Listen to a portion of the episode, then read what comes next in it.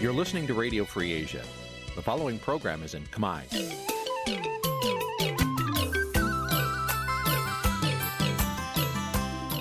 នេះជាកម្មវិធីផ្សាយ Vuthu Azizi Serai នេះជាកម្មវិធីផ្សាយរបស់ Vuthu Azizi Serai ជាភាសាខ្មែរ Vuthu Azizi Serai សូមស្វាគមន៍លោកអ្នកនាងទាំងអស់ពីរដ្ឋធានី Washington នៃសហរដ្ឋអាមេរិក ចាប់ពីរដ្ឋធានី Washington នាងខ្ញុំម៉ៃសុធានីសូមជម្រាបសួរលោកអ្នកស្ដាប់ទាំងអស់ជាទីមេត្រីចាយើងខ្ញុំសូមជូនការផ្សាយសម្រាប់ព្រឹកថ្ងៃអាទិត្យ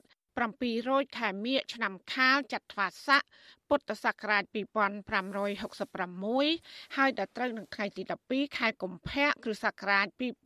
2022ជាកិច្ចចាប់ផ្ដើមនេះនាងខ្ញុំសូមអញ្ជើញលោកអ្នកនាងកញ្ញាស្ដាប់ព័ត៌មានប្រចាំថ្ងៃដែលមានមេត្តាដូចតទៅ លោកហ៊ុនសែនចេញបញ្ជាឲ្យមេធាវីប្តឹង VOD រឿងផ្សាយពីជំនួយទៅប្រទេសទូគី បើមិនសមទោសជាសាធារណៈគណៈបកភ្លើងទៀនបន្ថែមសមាជិកភាពថ្នាក់ដឹកនាំដើម្បីប្រកួតប្រជែងការបោះឆ្នោតជាតិនៅខែកក្កដា អ្នកវិភាគថាដំណើរទស្សនកិច្ចរបស់លោកហ៊ុនសែនទៅប្រទេសចិន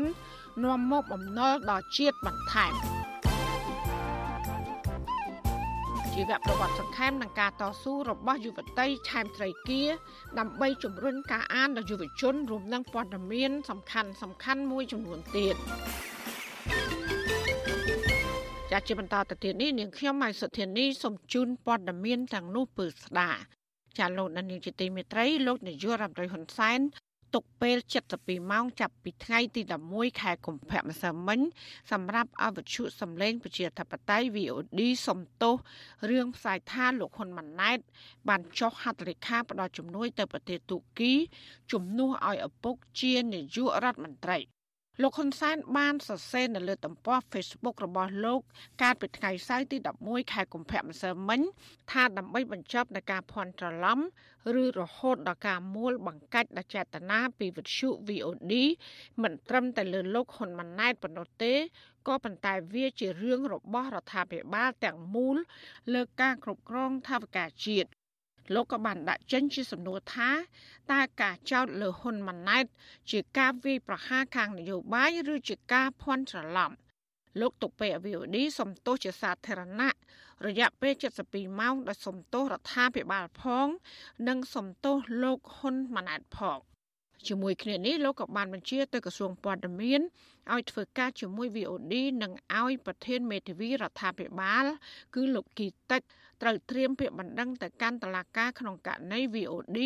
មិនព្រមសំទោសលោកហ៊ុនសែនក៏បានប្រមានទៅស្ថាប័នផ្សេងផ្សេងថាកុំឲ្យចាត់ទុករឿងនេះ ថាជាការគំរាមឲ្យសោះដោយលោកបញ្ជាក់ថាសិទ្ធិរបស់អ្នកគឺមានព្រំដែនជាមួយសិទ្ធិរបស់អ្នកដទៃ លោកក៏បានបន្តទៀតថាមិត្តភ័ក្តិបរទេសឬសង្គមស៊ីវិលមុនបញ្ចេញមតិសូមស្រាវជ្រាវរឿងនេះជាមុនសិនទាំងអង្គហេតុនិងអង្គច្បាប់តកតងនឹងការប្រមានចាត់វិធានការតាមផ្លូវច្បាប់ និងសំទោសបែបនេះសារព័ត៌មានសម្លេងប្រជាធិបតេយ្យ VOD មិនទាន់មានប្រតិកម្មឆ្លើយតបយ៉ាងណានៅឡើយគិតត្រឹមថ្ងៃសៅរ៍ទី11ខែកុម្ភៈ ចំណែកឯនាយកប្រតិបត្តិនៃសម្ព័ន្ធអ្នកសារព័ត៌មានកម្ពុជាហៅកាត់ថាកម្ពុជាលោកណូវីក៏សុំមិនទាន់ធ្វើអត្ថាធិប្បាយលើករណីនេះថាយ៉ាងណានោះដែរដែលលោកត្រូវការពេលវេលាសិក្សាលើករណីនេះជាមុនសិនទោះជាយ៉ាងនេះក្តីលោកថានៅពេលដែលមានបញ្ហាកើតឡើងបែបនេះលោកបារម្ភអំពីការប៉ះពាល់ដល់វិជាជីវៈអ្នកសារព័ត៌មាន ជាពិសេសក្នុងអំឡុងពេលការបោះឆ្នោតជាតិកាន់តែខិតជិតចូលមកដល់ យើងនៅកំពុងតែផ្ទៀងផ្ទាត់ព័ត៌មានជាមួយនឹងខាងអ្នកពាក់ព័ន្ធចំពោះអ្វីដែលជាការលើកឡើងជាការចោទប្រកាន់ហើយនឹងសាររហូតដល់ការព្រមានក្នុងការចាត់វិធានការផ្លូវច្បាប់ផ្សេងផ្សេង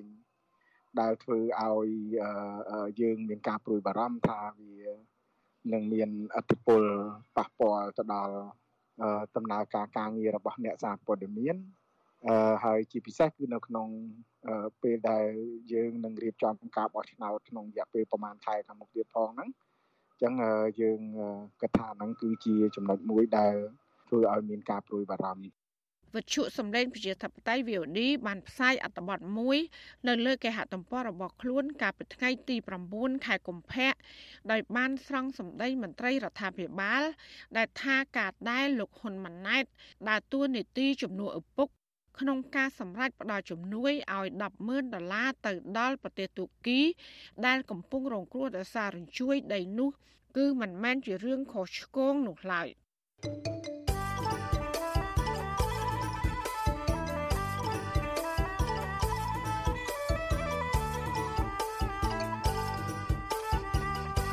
ចាលោកនាយកជាទីមេត្រីតកតងនឹងរឿងលោកនាយករដ្ឋមន្ត្រីហ៊ុនសែននេះដែរលោកក៏បានអះអាងថាកម្ពុជាទទួលបានលទ្ធផល នៅក្នុងដំណើរទស្សនកិច្ចរបស់លោកទៅប្រទេសចិនទោះជាយ៉ាងណាអ្នកវិភាគបារម្ភថាកម្ពុជា ដឹកនាំដោយលោកហ៊ុនសែនអាចលំអៀងទៅរកប្រទេសចិនហើយដែលធ្វើឲ្យប្រទេសលោកខាងលិចមិនពេញចិត្តហើយកម្ពុជាអាចខាតបង់ប្រយោជន៍ច្រើនជាពិរដ្ឋធានី Washington លោកជាតិចំណានរាយការណ៍ព័ត៌មាននេះ ភាគីចិននិងកម្ពុជា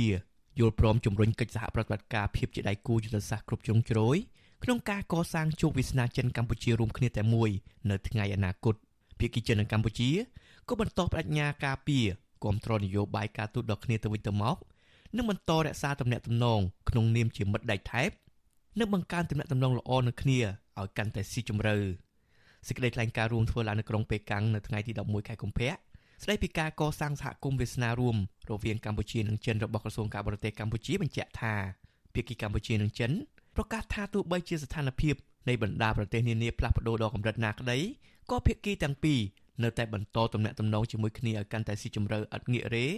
ដើម្បីផ្ដល់ផលប្រយោជន៍ដល់គ្នាទៅវិញទៅមកក្រៅពីនេះភាគីកម្ពុជានិងចិនក៏បានឯកភាពគ្នាបង្កើតកិច្ចសហប្រតិបត្តិការក្នុងក្របខ័ណ្ឌត្បូងពេជ្រ ដែលផ្ដោតសំខាន់លើវិស័យកិច្ចសហប្រតិបត្តិការនយោបាយការទូតសមត្ថភាពផលិតកសិកម្មធម្មពលសន្តិសុខនិងទំនាក់ទំនងរវាងប្រជាជនជាដើមភាគីចិននិងកម្ពុជាក៏បានឯកភាពក្នុងការពន្លឿននិងអនុវត្តគម្រោងនៃកិច្ចសហប្រតិបត្តិការជំរុញឲ្យមានការកសាងប្រព័ន្ធហេដ្ឋារចនាសម្ព័ន្ធប្រព័ន្ធធារាសាស្ត្រនិងគម្រោងនានានៅតាមទីជនបទនៅកម្ពុជាសេចក្តីថ្លែងការណ៍រួមដដែលដឹងថាភាគីកម្ពុជា ក៏បានឯកភាពគ្នាបង្កើនទំនាក់ទំនងលើវិស័យយោធាគ្រប់លំដាប់ថ្នាក់ដោយចាប់យកសក្តានុពលតាមរយៈការពង្រឹងការផ្លាស់ប្តូរកងកម្លាំងរវាងកម្ពុជាចិនក្នុងការធ្វើសម្ពយុទ្ធការវឹកវើរួមគ្នាការបណ្ដុះបណ្ដាយោធានិងភ័ស្តុភារកម្មក្នុងកិច្ចការពារសន្តិសុខពហុភាគីតែទោះជាយ៉ាងណាក្រសួងមិនបានបញ្ជាក់ពីមូលហេតុដែលលោកហ៊ុនសែនដឹកដៃកូនប្រុសលោកគឺលោកហ៊ុនម៉ាណែតនិងលោកហ៊ុនម៉ាណីទៅជួបមេដឹកនាំកម្ពុជារបស់ចិននៅឡើយទេអ្នកវិភាគសង្ស័យថា លោកហ៊ុនសែនអាចសុំឲ្យចិនគ្រប់គ្រងលោកហ៊ុនម៉ាណែតជានាយករដ្ឋមន្ត្រីជំនួសលោកពាក់ព័ន្ធដំណើររបស់លោកហ៊ុនសែនទៅកាន់ចិននេះដែរអ្នកជំនាញវិជាសាស្ត្រនយោបាយនិងកិច្ចការអន្តរជាតិលោកអែមសវណ្ណារាថាប្រសិនបើកម្ពុជាប្រឹងប្រែងកសាងទំនាក់ទំនងក្របខ័ណ្ឌផ្នែកវិស័យយោធាជាមួយប្រទេសចិនកាន់តែស៊ីជម្រៅហើយកម្ពុជាគ្មានកិច្ចសហប្រតិបត្តិការផ្នែកយោធាជាមួយបណ្ដាប្រទេសលោកខាងលិចនោះទោះបីកម្ពុជាប្រឹងប្រកាសខ្លួនថាប្រកាន់ជំហរអព្យាក្រឹតយ៉ាងណាក៏សហគមន៍ជាតិនិងអន្តរជាតិ មើលឃើញថាកម្ពុជាហាក់លំអៀងទៅរកចិនដែរ តំណែងតំណងទ្វេភាគីកម្ពុជាចិននេះយើងឃើញដាក់ថាសហគមន៍រួមគ្នាកម្ពុជាចិនទាំងវាល្អពាក្យប៉ុន្តែសូមឲ្យគេហៅថាការដាក់រួមនៅទិសស្លោករួមគ្នាឲ្យវាបានផលនៅទាំងពីរប្រទេសកុំឲ្យតែប្រទេសមួយបានផលច្រើនជាងចំណុចមួយទៀតខ្ញុំជំរុញឲ្យរដ្ឋាភិបាលកម្ពុជាខិតខំយ៉ាងណាធ្វើឲ្យតំណែងតំណងជាមួយលោកខាងលិចសហរដ្ឋអាមេរិកឬក៏សហគមន៍អឺរ៉ុបជាដើមនេះឲ្យមានភាពល្អល្អឿនឬក៏ល្អដូចតំណែងតំណងកម្ពុជាជាមួយចិនបាទ ក្នុងដំណើរទៅចិន កម្ពុជាទទួលបានប្រាក់ជំនួយឥតសំណងពីមិត្តដៃថែបប្រមាណ45លានដុល្លារលើគម្រោងផ្លូវដែកនិងផ្លូវលបឿនលឿនក្រៅពីនេះកម្ពុជានិងចិន បានចុះហត្ថលេខាលើឯកសារកិច្ចព្រមព្រៀងសំខាន់ៗចំនួន12រួមមានកិច្ចព្រមព្រៀងស្តីពីការពង្រឹងកិច្ចសហប្រតិបត្តិការការកសាងសហគមន៍ស្វៀស្នារួមកម្ពុជាចិនអនុវត្តគម្រោងអភិវឌ្ឍសាកលវិទ្យាល័យក្រចេះដោយជំនួយឥតសំណងចិន ផែនសកម្មភាពស្តីពីកិច្ចសហប្រតិបត្តិការពាណិជ្ជកម្មនិងសេដ្ឋកិច្ចឆ្នាំ2023-2024លក្ខខណ្ឌតម្រូវចតាឡេសាក់និងអនាម័យសម្រាប់នាំចេញសត្វរស់ពីកម្ពុជាទៅកាន់ប្រទេសចិនក្រៅពីនេះភាគីទាំងពីរបានចុះអនុសារណៈនៃកិច្ចសហប្រតិបត្តិការរវាងក្រសួងព័ត៌មានកម្ពុជានិងអគ្គស្ថានីយ៍វិទ្យុនិងទូរទស្សន៍មជ្ឈិមចិនការទទួលនៅទឹកប្រាក់ជំនួយឥតសំណងរបស់ចិនប្រមាណ44លានដុល្លារ និងកិច្ចព្រមព្រៀងស្តីពីគម្រោងជំនួយឥតសំណងរបស់ចិនលើការអនុវត្តគម្រោងប្រព័ន្ធហេដ្ឋារចនាសម្ព័ន្ធនានានៅកម្ពុជាអ្នកស្រាវជ្រាវការអភិវឌ្ឍសង្គមបណ្ឌិតសេងសារីមានប្រសាសន៍ថាយុទ្ធសាស្ត្ររបស់លោកហ៊ុនសែនទៅប្រទេសចិនគឺជាយុទ្ធសាស្ត្រព្រួញមួយបាញ់បានសัตว์ពីរពោលគឺលោកហ៊ុនសែនបានទាំងជំនួយនិងបានដឹកដៃកូនប្រុសរបស់ខ្លួនដែលជាបេក្ខភាពនាយករដ្ឋមន្ត្រីបង្កើតភាពស្និទ្ធស្នាលជាមួយមេដឹកនាំចិនកុម្មុយនីស ក៏ប៉ុន្តែការងាកទៅរកចិនខ្លាំងមិនគិតអំពីតលយៈភាពនៃទំនាក់ទំនងការបរទេស រវាងមហាអំណាចចិនជាមួយនឹងមហាអំណាចដទៃទៀតនោះអាចនឹងនាំកម្ពុជាផុងខ្លួនទៅក្នុងស្ថានភាពមួយដែលត្រូវបានអន្តរជាតិមើលឃើញថាកម្ពុជាចាប់យកប្រទេសមហាអំណាចម្ខាងដោយប្រឡែងមហាអំណាចម្ខាងទៀតជាពិសេសហ្នឹងគឺមហាអំណាចកម្ពុជាធិបតេយ្យនោះបាទបណ្ឌិតសេងសេរីបន្ថែមថាបញ្ហាកម្ពុជា ដែលពឹងពាក់ទៅចិនតាមរយៈការទទួលជំនួយឬកម្ចីពីចិននេះគឺជារឿងដែលគួរឲ្យព្រួយបារម្ភប្រសិនបើរដ្ឋាភិបាលកម្ពុជាប្រើលុយទាំងនោះគ្មានដំណាភាពនិងមិនចំគោលដៅសម្រាប់ការអភិវឌ្ឍជាតិខ្ញុំបាទជាចំណាន Visual Assisray ប្រធានាទី Washington ចាលោកនាងជាទីមេត្រីពាក់ព័ន្ធនឹងទំនាក់ទំនងដៃថែបនិងការបង្កើនទំនាក់ទំនងឲ្យកាន់តែស៊ីជម្រៅរវាងរដ្ឋាភិបាលកម្ពុជានិងចិននេះអ្នកវិភាគយល់ឃើញថាលោកហ៊ុនសែនត្រូវការចិនដើម្បីគ្រប់គ្រងការដឹកនាំផ្ដាច់ការរបស់ខ្លួន និងការផ្ទេរអំណាចឲ្យកូនប្រុសច្បងតែប៉ុណ្ណោះចាអ្នកវិភាគសង្កត់ធ្ងន់ថាការដឹកនាំប្រទេសបន្តវងត្រកូលហ៊ុនបែបនេះគឺជាគ្រោះថ្នាក់បំផុតដល់ប្រទេសជាតិ មិនត្រឹមតែជំពាក់បំណុលចិនវ៉ាន់កនោះទេក៏ប៉ុន្តែថែមទាំងជំពាក់គុណវៀតណាមដល់ខ្លួនមិនរួចនោះឡើយតើប្រជាប្រដ្ឋខ្មែរគួរនាំគ្នាធ្វើដោយម្ដេចដើម្បីអនាគតប្រទេសជាតិជឿនលឿនទៅថ្ងៃអនាគតចាសសូមអញ្ជើញស្ដាប់បទសម្ភាសន៍របស់លោកសេកបណ្ឌិត ជាមួយលោកកឹមសុខអ្នកវិភាគឯករាជ្យជំវិញបញ្ហានេះដូចតទៅខ្ញុំបាទសូមជម្រាបសួរលោកកឹមសុខវិជ្ជម៉ៃបាទបាទជំរាបសួរលោកសេកបណ្ឌិតបាទ លោកនាយករដ្ឋមន្ត្រីហ៊ុនសែននោះក៏បានថ្លែងសារនយោបាយនិងបង្ហាញអំពីលទ្ធផលជោគជ័យយ៉ាងធំសម្បើមដែរជាមួយនឹងមិត្តដៃថៃរបស់លោកគឺចិននោះក៏ប៉ុន្តែក៏មានប្រតិផ្ទុយដែរថាតំណែងតំណងអស់ទៅនេះគឺចំណេញទៅលើតកោហ៊ុនច្រើនជាងចំណេញដល់ប្រទេសជាតិចុះចំពោះទស្សនៈរបស់លោកកឹមសុខវិញមើលឃើញមិនដែរចំពោះលទ្ធផលនៃដំណើរទស្សនកិច្ចពីថ្ងៃនៅចិនដោយកណ្ដៀតទាំងកូនប្រុសពីរនាក់ទៅជាមួយផងបាទលោកហ៊ុនសែនគាត់ដឹងច្បាស់ណាស់ថាប្រជាពលរដ្ឋខ្មែរ ត្រូវការស្ដារលទ្ធិប្រជាធិបតេយ្យឡើងវិញក៏ប៉ុន្តែសកម្មភាពរបស់លោកហ៊ុនសែនវិញគ្រាន់តែទៅភ្ជាប់ទំនាក់ទំនងឬក៏ពង្រឹងទំនាក់ទំនងជាមួយចិនដើម្បីរកជំនួយពីចិនក្នុងការអនុវត្តផែនការផ្ទេរអំណាចពីគាត់ទៅកូនប្រុសរបស់គាត់ប៉ុណ្ណោះដូច្នេះសកម្មភាពរបស់គាត់ចំអកទៅនឹងការយល់ដឹងរបស់គាត់ដែលគាត់ដឹងច្បាស់ណាស់ថាប្រជាពលរដ្ឋខ្មែរត្រូវការស្ដារប្រជាធិបតេយ្យ មួយវិញទៀតវាជាការចំអកទៅនឹងវាសនាសង្គមទាំងមូលនិយាយដោយខ្លីក្នុងសម័យទំនើបនេះពលរដ្ឋឲ្យតម្លៃទៅលើប្រជាធិបតេយ្យមិនមែនការទាញប្រទេសមួយដែលចែងអំពីប្រជាធិបតេយ្យទៅហើយឲ្យធ្លាក់ទៅក្នុងស្ថានភាពប្រើអំណាចផ្ដាច់ការដើម្បីរក្សាអំណាចក្រុមគ្រួសារបុគ្គលនោះទេខ្ញុំក៏កត់សម្គាល់ឃើញដែរថាលោកហ៊ុនសែនកំពុងតែព្យាយាមតោងជើងចិនមិនប្រឡែងទេ ពីព្រោះទី1ប្រសិនបើប្រឡែងចិន គឺរលាយផែនការអំណាចរបស់គាត់តែម្ដងដោយសារតែសកម្មភាពកន្លងមករបស់លោកនាយករដ្ឋមន្ត្រីហ៊ុនសែនចង់ឬមិនចង់គឺកំពុងតែផ្កើនទៅនឹងវៀតណាមហើយវៀតណាមជុំលោកហ៊ុនសែនលើរឿងអីដែរសូមអាចលើកជាឧទាហរណ៍បានមួយចំណុចពីរទេបាទកុំភ្លេចថាវៀតណាមហើយនិងចិនអាចនិយាយបានថាជាសត្រូវប្រវត្តិសាស្ត្រផង ជាសត្រូវភូមិសាស្ត្រ ឬក៏នយោបាយភូមិសាស្ត្រក្នុងពេលបច្ចុប្បន្នផងចិនត្រូវការកម្ពុជា ដើម្បីគៀបវៀតណាមទាំងសងខាង ទាំងពីខាងភៀកគីចិន ទាំងពីខាងភៀកគីកម្ពុជាក៏ប៉ុន្តែវៀតណាមវិញអាក្រក់ជាងចិនទៅទៀតគឺត្រូវការអនុវត្តមហិច្ឆតាលេបយកកម្ពុជាឬក៏បំបត្តិពូជសាសន៍ខ្មែរតែម្ដងមិនត្រឹមតែព្យាយាមទប់អធិបុលរបស់ចិននៅកម្ពុជានោះទេដូច្នេះទាំងវៀតណាមទាំងចិនសុទ្ធតែត្រូវការភូមិសាស្ត្រ កម្ពុជា នៅពេលដែលលោកនាយករដ្ឋមន្ត្រីហ៊ុនសែនកាន់តែគៀកចិនខ្លាំងហើយបង្ហាញអំពីការផ្ដាល់ទំនុកចិត្តលើចិន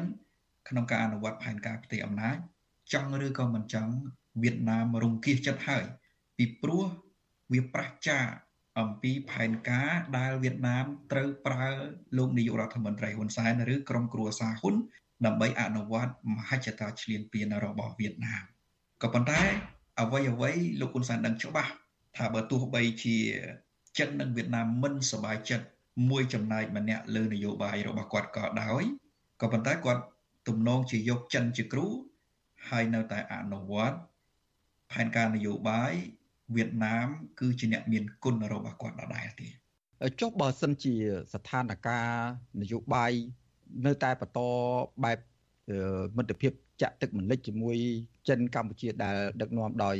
គណៈបកប្រជាជនកម្ពុជាបែបនេះតើកម្ពុជានឹងឈ្មោះទៅរកការដឹកនាំប្រទេសឬមួយក៏របបនយោបាយយ៉ាងម៉េចដែរហើយវាគ្រោះថ្នាក់ប៉ុណ្ណាដែរនៅពេលដែលកម្ពុជាគ្រប់គ្រងការអំណាចដោយគ្រួសារតកោហ៊ុនហើយបន្តស្អិតរមួតជាមួយនឹងនយោបាយចិនបែបនេះបាទទំនាក់ទំនងចាក់ទឹកមិនលិចវាជាស្មារតីប្រកាន់ខ្ជាប់ដោយក្រុមគ្រួសារហ៊ុនឬក៏លោកនាយករដ្ឋមន្ត្រីហ៊ុនសែនឬក៏អ្នកចំនួនក្រោយរបស់គាត់ ក៏ប៉ុន្តែអាចចាក់បំផ្លាញកម្ពុជាឲ្យលិចតែម្ដងខ្ញុំក៏សង្កល់ឃើញដំណើរទស្សនកិច្ចរបស់លោកនាយករដ្ឋមន្ត្រីហ៊ុនសែនលើកនេះអាចចាត់ទុកថាជាទស្សនកិច្ចកម្រិតកំពូល លើកចុងក្រោយទៅហើយមុននឹងអនុវត្តផែនការផ្ទៃអំណាចពីហ៊ុនសែនទៅហ៊ុនម៉ាណែតនិងកូនប្រុសរបស់គាត់ផ្សេងផ្សេងទៀតដែលផ្ទៃការទទួលខុសត្រូវនោះអ្វីដែលលោកហ៊ុនសែនចង់បានពីចិនគឺទំនាក់ទំនងយោធា ការធានាការជ្រួយជ្រោមជែងពីចិនលើ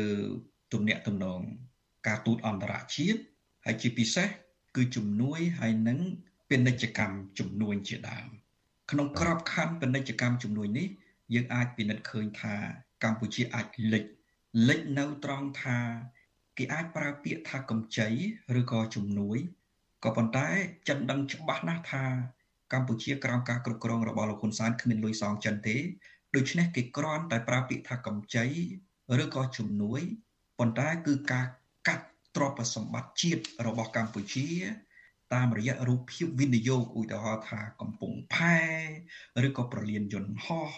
ឬក៏ដៃសម្បត្តិទៅឲ្យចិនតែម្ដងដូច្នេះយើងមិនចាំបាច់និយាយទៅដល់ទំនាក់ទំនងការទូតអីផ្សេងជាអន្តរជាតិទេសូម្បីតែចំណុចនឹងមួយក៏កំពុងទាញកម្ពុជាឲ្យលេចដែរស្ថានភាពកម្ពុជានឹងទៅជាយ៉ាងណា វាស្ថិតនៅលើការប្រែប្រួលនយោបាយនៅកម្ពុជាដែរខ្ញុំអាចនិយាយដោយខ្លីតែពីរយ៉ាងទេ ទី1ប្រសិនបើអំណាចក្រុមគ្រួសារហ៊ុននៅតែបន្តនោះកម្ពុជាមិនមែនជារបស់ខ្មែរទៀតទេក៏ប៉ុន្តែទី2ប្រសិនបើប្រជាពលរដ្ឋខ្មែរមើលឃើញអំពីតម្រូវការនៃការព្យាយាមទាមទារឲ្យមានការប្រែប្រួលក្នុងស្ថានភាពបច្ចុប្បន្ននោះទើបយើងអាចមើលឃើញពន្លឺកម្ពុជាមួយដែលជារបស់ប្រជាពលរដ្ឋខ្មែរហើយអាចអនុវត្ត កិច្ចព្រមព្រៀងសន្តិភាពទីក្រុងប៉ារីក្នុងការការពារជាតិកម្ពុជាបានបាទចំណុចមួយទៀតចុងក្រោយសូមបញ្ជាក់ពីលោកកឹមសុខដោយខ្លីដែរបើសិនជាតទៅអនាគតអត់ពីលោកហ៊ុនសែនទៅគណៈបកប្រជាជនកម្ពុជា តែងតាំងលោកហ៊ុនម៉ាណែតលោកហ៊ុនម៉ាណីឬមួយក៏កូនប្រុសណាមួយកូនណាមួយនៅក្នុងតកោហ៊ុននោះឡើងជាមេដឹកនាំ ក្នុងបកប្រជាជនកម្ពុជាឬមួយក៏ជាបេក្ខភាពនាយករដ្ឋមន្ត្រីដឹកនាំប្រទេសកម្ពុជាតទៅមុខទៀតនោះតើដាក់ដឹកនាំចំនួនក្រោយដែលចេញពីតកោហ៊ុននេះដែលហើយបន្ទាប់ពីបានទៅជួបមេដឹកនាំសំខាន់សំខាន់ជាពិសេសទៅជួបមេដឹកនាំចិនដែលជាមិត្តដៃថែបជាមិត្តចាក់ទឹកមិនលិចក្នុងការជួយទ្រទ្រង់កម្ពុជាសេដ្ឋកិច្ចកម្ពុជានៅពេលនេះតើនឹងអាចធ្វើឲ្យកម្ពុជាប្រែមុខមាត់ថ្មីខុសពីបច្ចុប្បន្នដែលចំនួនឪពុកគាត់កាន់កាប់អំណាចនេះទេបាទប្រសិនបើពួកគេ អនុវត្តនយោបាយយកចិនជាមិត្តមិត្តស្និទ្ធស្នាលមិត្តទំនាក់ទំនងអន្តរជាតិស្របតាមកិច្ចព្រមព្រៀងសន្តិភាពទីក្រុងប៉ារីវាពិតជាល្អសម្រាប់ជាតិពីព្រោះគោលការណ៍នឹងអាចសម្របសម្រួលជាមួយសហរដ្ឋអាមេរិកនិងសហគមន៍អន្តរជាតិជារួមក៏ប៉ុន្តែយើងដឹងច្បាស់ហើយទំនាក់ទំនងចាក់ទឹកមិនលិចរវាងក្រុមគ្រួសារហ៊ុនជាមួយនឹងមេដឹកនាំចិន គឺក្រុមគ្រួសារហ៊ុនគ្រាន់តែត្រូវការអធិបុលរបស់ចិនឧទាហរណ៍អធិបុលការទូតអធិបុលសេដ្ឋកិច្ចពាណិជ្ជកម្មអធិបុលជំនួយហើយនិងអធិបុលយោធាដើម្បីអនុវត្តការផ្ទៃអំណាចតែប៉ុណ្ណោះដូច្នេះគឺទាញកម្ពុជាឲ្យលេចតែម្ដងខ្ញុំអាចនិយាយបញ្ជាក់ឡើងវិញថាគ្មានពន្លឺសម្រាប់កម្ពុជាទេ ក្នុងនយោបាយការទូតអន្តរជាតិរបស់ក្រមលោកហ៊ុនសែនហើយនិងកូនប្រុសរបស់គាត់អ្វីដែលពួកគេធ្វើគឺយកចិនជាគ្រូ ជាគ្រូផ្ដាច់មុខហើយវៀតណាមនៅតែជា អ្នកដែលពួកគេត្រូវដឹងគុណជាសម្ងាត់ដដែលដូច្នេះកម្ពុជាក្រោមអំណាចក្រុមគ្រួសារហ៊ុន គឺជាកម្ពុជា មិនមែនរបស់ខ្មែរកម្ពុជាមិនមែនរបស់ខ្មែរមានន័យថាវាសនាផលប្រយោជន៍កម្ពុជា នៅលើទឹកដីខ្មែរគេមិនអនុវត្តដើម្បីផ្ដល់ផលប្រយោជន៍ទៅឲ្យប្រជាពលរដ្ឋខ្មែរទេ មានតែវិធីមួយទេ គឺប្រជាពលរដ្ឋខ្មែរដឹងខ្លួនឲ្យបានទាន់ពេលហើយទាមទារយុត្តិធម៌សង្គមស្ដារប្រជាធិបតេយ្យកុំឲ្យអំណាចក្រុមគ្រួសារហ៊ុននេះ នៅតែអនុវត្តយុទ្ធវិធីចិនជាគ្រូវៀតណាមគឺជា អ្នកដែលពួកគេត្រូវដឹងគុណនោះហើយសូមអរគុណលោកកឹមសុខដែលបានចំណាយពេលវេលាចូលរួមផ្ដល់បទសម្ភាសជាមួយនឹងវិទ្យុអស៊ីសេរីក្នុងរយៈនេះបាទបាទជំរាបលាបាទ ចាលោកនាងកញ្ញាទៅបានស្ដាប់បទសម្ភាសរបស់លោកសេកបណ្ឌិត ជាមួយលោកកឹមសុខអ្នកវិភាគឯករាជ្យជំវិញគ្រោះថ្នាក់ដល់ប្រទេសជាតិប៉ះសិនបាត្រកូលហ៊ុននៅតែបន្តដឹកនាំប្រទេស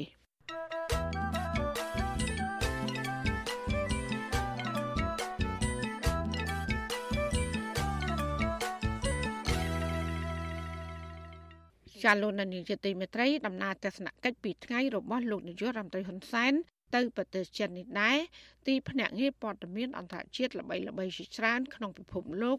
បានចុះផ្សាយប្រងព្រាតពីគុណសម្បត្តិនិងគុណវិបត្តិនៃទំនាក់ទំនងដែលថែបរវាងរដ្ឋាភិបាលកម្ពុជា និងរដ្ឋាភិបាលចិនចាលោកយ៉ងច័ន្ទរាសូមដកត្រង់ជូននៅការចុះផ្សាយរបស់សារព័ត៌មានទាំងនោះមកជម្រាបជូនដូចតទៅ សារព័ត៌មានល្បីៗចុះផ្សាយជ្រុងផ្សេងផ្សេងគ្នា ចំពោះដំណើរទស្សនកិច្ចរបស់លោកហ៊ុនសែនទៅកាន់ប្រទេសចិនដែលមានសណ្ដោងកូនប្រុសពីរនាក់ទៅជាមួយផង គឺលោកហ៊ុនម៉ាណែតនិងលោកហ៊ុនម៉ាណីទីភ្នាក់ងារព័ត៌មានរដ្ឋចិនស៊ីនហួររាយការណ៍ជារបៀបពិធីការសុតសាតគឺមួយផ្នែកជាសម្ដីរបស់លោកស៊ីជីនពីងនិងមួយផ្នែកទៀតគឺជាសម្ដីរបស់លោកហ៊ុនសែនបើតាមស៊ីនហួរសមាភិកីទាំងពីរលើកសរសើរគ្នានិងបញ្ជាក់ជំហរគាំទ្រគ្នាទៅវិញទៅមកព្រមទាំងបដិញ្ញាពង្រឹងទំនាក់ទំនងលើគ្រប់វិស័យ ក៏ប៉ុន្តែចំណុចសំខាន់ជាងគេនោះគឺលោកស៊ីជីនពីងបានថ្លែងថាប្រទេសចិនគ្រប់គ្រងកម្ពុជាយ៉ាងពេញទំហឹងនៅក្នុងកិច្ចការពារសន្តិសុខនិងអធិបតេយ្យជាតិព្រមទាំងគ្រប់គ្រងកម្ពុជាយ៉ាងម៉ឺងម៉ាត់នៅក្នុងការជំរុញឲ្យបានខ្ជាប់ខ្ជួននៅរបៀបវិរៈនយោបាយសំខាន់សំខាន់នៅក្នុងស្រុកនិងការអភិវឌ្ឍសេដ្ឋកិច្ចសង្គមព្រមទាំងប្រឆាំងជាដាច់ខាតនៅកម្លាំងខាងក្រៅដែលជ្រៀតជ្រែកចូលកិច្ចការផ្ទៃក្នុងរបស់កម្ពុជា រីឯទីភ្នាក់ងារព័ត៌មាន AP របស់សហរដ្ឋអាមេរិកវិញស្ថាប័ននេះចុះផ្សាយដោយដាក់ចំណងជើងថាលោកហ៊ុនសែនទទួលបានការសន្យាគ្រប់គ្រងនៅក្នុងដំណើរទស្សនកិច្ចនៅប៉េកាំង AP បានចុះផ្សាយបន្តពីទីភ្នាក់ងារព័ត៌មានចិនស៊ីនហួរនៅត្រង់ចំណុចជំហររបស់លោកស៊ីជីនពីងថ្លែងទៅកាន់លោកហ៊ុនសែនក៏ប៉ុន្តែទីភ្នាក់ងារព័ត៌មាន AP បានសង្កត់ធ្ងន់ទៅលើចំណុចដ៏សំខាន់មួយ នោះគឺថាដោយសារតែមានចិនជាខ្នងបង្អែកនេះហើយ ទើបលោកហ៊ុនសែនបានកំចាត់ចោលនៅរាល់ការគំរាមកំហែងតាមបែបប្រជាធិបតេយ្យចំពោះការកាន់អំណាចរបស់លោក មានដូចជាបំបិតមាត់សារព័ត៌មានព្រមទាំងចាប់ដាក់គុកឬក៏នីរទេសគូប្រជែងនិងអ្នកបញ្ចេញមតិរិះគន់ក្រោយពីដណ្ដើមបានអំណាចនៅឆ្នាំ1998ក្រៅពីនេះទីភ្នាក់ងារព័ត៌មាន AP ក៏បានរំលេចអំពីភាពជាប់ពាក់ព័ន្ធរបស់ចិនជាមួយនឹងរបបខ្មែរក្រហមដែលបានសម្លាប់ជីវិតប្រជាពលរដ្ឋខ្មែរអស់រាប់លាននាក់ ហើយជាមួយគ្នានេះ AP ក៏បានបញ្ចូលលើទស្សនវិជ្ជាតាក់ទងទៅនឹងបញ្ហាមូលដ្ឋានទ័ពជើងទឹករៀមផងដែរអត្ថបទមួយនេះរបស់ទីភ្នាក់ងារព័ត៌មាន AP ត្រូវបានចុះផ្សាយបន្តដោយសារព័ត៌មានល្បីៗមួយចំនួនទៀតដូចជា ABC News របស់សហរដ្ឋអាមេរិក Yahoo News និង The Diplomat ជាដើមដោយឡែកកាសែត The Global Times ដែលដើរតាមមាគ៌ានយោបាយរបស់បកកុម្មុយនីសចិនវិញ កាសែតនេះបានផ្ដល់តម្លៃវិសេសវិសាលចំពោះជំនួបរវាងមេដឹកនាំចិននិងកម្ពុជា Global Times ចុះផ្សាយរឿងនេះនៅទំព័រមុខដោយដាក់ចំណងជើងថាប្រទេសចិននិងកម្ពុជា បើកសក្តារថ្មីសម្រាប់ការកសាងសហគមន៍ជាមួយនឹងអនាគតរួមគ្នា ហើយនឹងសេចក្តីផ្ដើមថាជំនួប3ឆ្នាំមុន បង្ហាញពីការជឿទុកចិត្តនិងមិត្តភាពដៃថែបដែលត្រូវឆ្លងកាត់រាប់ចំនួនអត្ថបទដ៏វែងអន្លាយរបស់កាសែតចិនមួយនេះឆ្លៀតរៀបរាប់ពីព្រឹត្តិការណ៍កាលពី3ឆ្នាំមុន ដែលលោកហ៊ុនសែនបានធ្វើដំណើរបញ្ច្រាស់ទិសទៅជួបមេដឹកនាំចិនគណៈប្រទេសមួយចំនួន បានរៀបចំជំលះមន្ត្រីទូតនិងប្រជាពលរដ្ឋរបស់ពួកគេចេញពីប្រទេសចិនដោយសារតែការផ្ទុះរាលដាលជំងឺ Covid-19 Global Times រាយការណ៍ទៀតថាលោកស៊ីជីនពីងរីករាយនឹងធ្វើការជាមួយនឹងលោកហ៊ុនសែនដើម្បីជំរុញទំនាក់ទំនងទ្វេភាគីនៃប្រទេសទាំងពីរឈានទៅរកកម្រិតថ្មីមួយទៀត។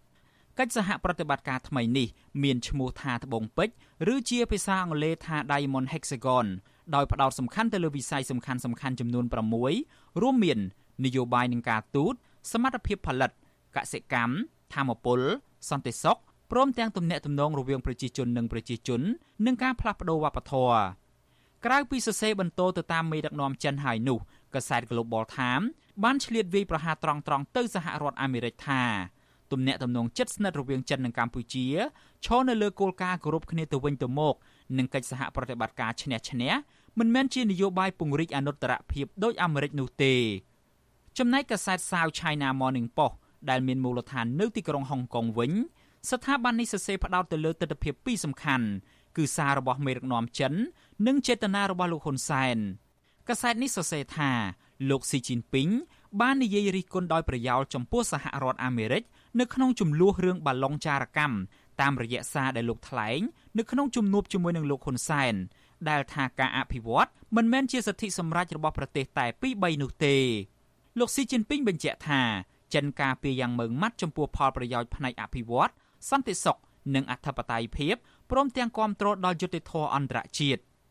តាក់ទងទៅនឹងលោកហ៊ុនសែនវិញកាសែត South China Morning Post បានសរសេរចំចំថាលោកតែងតែនិយាយថាឈរនៅជាមួយប្រជាជនចិននោះគឺជាការព្យាយាមធានានៅការវិនិយោគបន្តទៅមុខទៀតរបស់ចិននៅកម្ពុជា ជាពិសេសលោកហ៊ុនសែនកំពុងតែស្វាស្វែងរកការគ្រប់គ្រងពីប៉េកាំងដើម្បីសម្រេចផែនការផ្ទេរអំណាចតវងត្រកូល ទៅឲ្យកូនប្រុសច្បងរបស់លោក គឺលោកហ៊ុនម៉ាណែតខ្ញុំយ៉ងច័ន្ទដារាវិទ្យុអាស៊ីសេរី Washington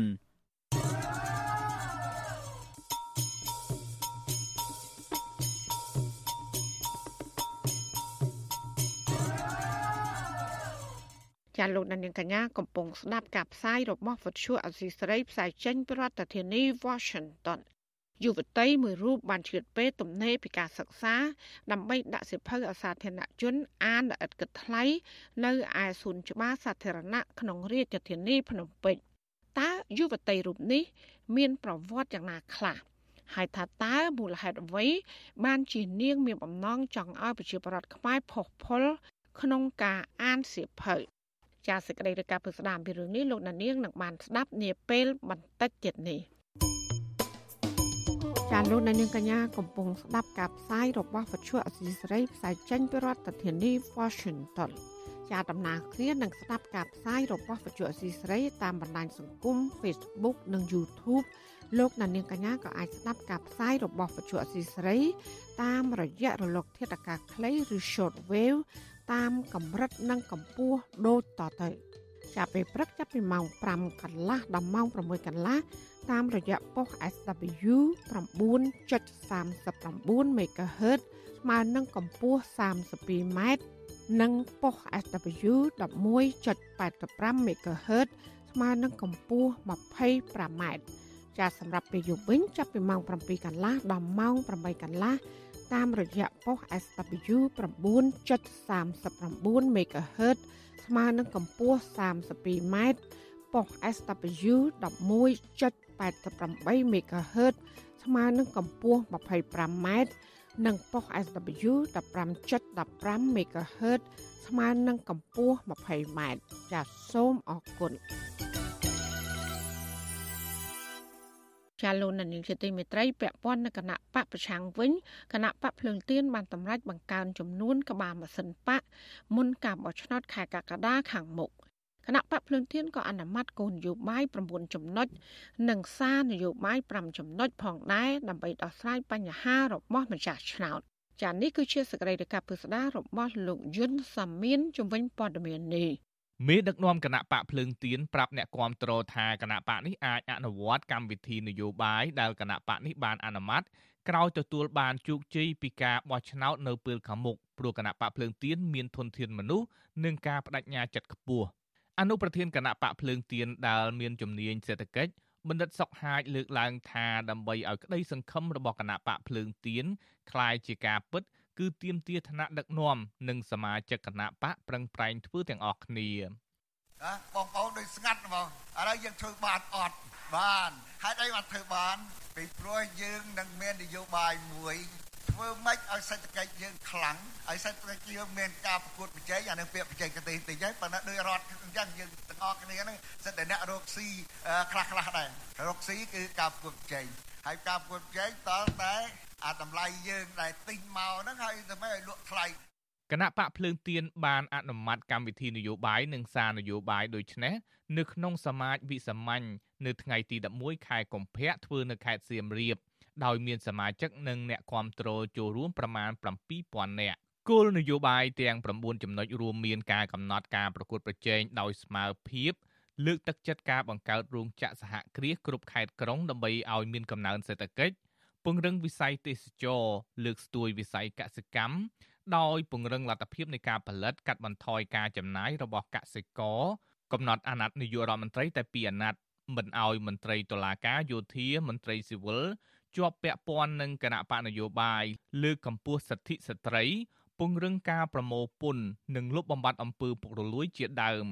ចំណែកសារនយោបាយ5ចំណុចរបស់គណៈបកនេះគឺទី1គឺព្យាបាលអ្នកជំងឺនៅតាមមន្ទីរពេទ្យរដ្ឋដោយឥតបង់ប្រាក់ទី2មនុស្សចាស់ចាប់ពីអាយុ65ឆ្នាំឡើងទៅ ម្នាក់ម្នាក់ទទួលបានប្រាក់200000រៀលទី3កំណត់ប្រាក់ឈ្នួលកម្មករ300ដុល្លារឡើងទៅ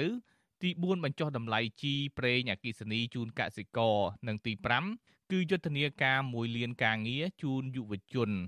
គណៈបកនេះក៏បង្កើតឲ្យមានអនុប្រធានចំនួន5រូបនិងបន្ថែមសមាជិកអចិន្ត្រៃយ៍បកពីចំនួន41រូបកើនដល់117រូបហើយសមាជិកគណៈកម្មការនយោបាយពីចំនួន17រូបកើនឡើងដល់32រូប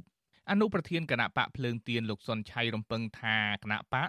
នឹងអនុវត្តគោលនយោបាយទាំងនេះបានជោគជ័យនៅពេលដឹកនាំប្រទេសលោកឲ្យដឹងដែរថាគណៈបកភ្លើងទៀនក៏មានគោលនយោបាយ ប្រឆាំងការឈ្លានពានពីបរទេសប្រឆាំងអំពើពុករលួយ ប្រឆាំងការជួញដូរគ្រឿងញៀនប្រឆាំងអំពើហិង្សាដោះស្រាយបញ្ហានយោបាយការដោះស្រាយបញ្ហាអន្តោប្រវេសន៍និងច្បាប់សញ្ជាតិសញ្ញាណនៃគណៈបកភ្លើងទៀនដើម្បីបង្ហាញរំលឹក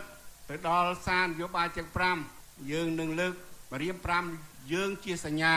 ហើយដើម្បីបញ្ជាក់ថាគណៈបកភ្លើងទៀនបដិញ្ញាចិត្តជាឯកច្ឆ័ន្ទប្រយុទ្ធប្រឆាំង នៅរាល់អំពើពុករលួយ ដោយបន្តការងារបម្រើប្រជាពលរដ្ឋដោយស្អាតស្អំត្រឹមត្រូវ ដោយប្រើប្រាស់ស្រោមដៃពស់សនេះ ជាសញ្ញានៃគណៈបកភ្លឹងទៀនពីពេលនេះតទៅចំណែកអតីតអ្នកការពារសិទ្ធិកម្មករលោករងឈុន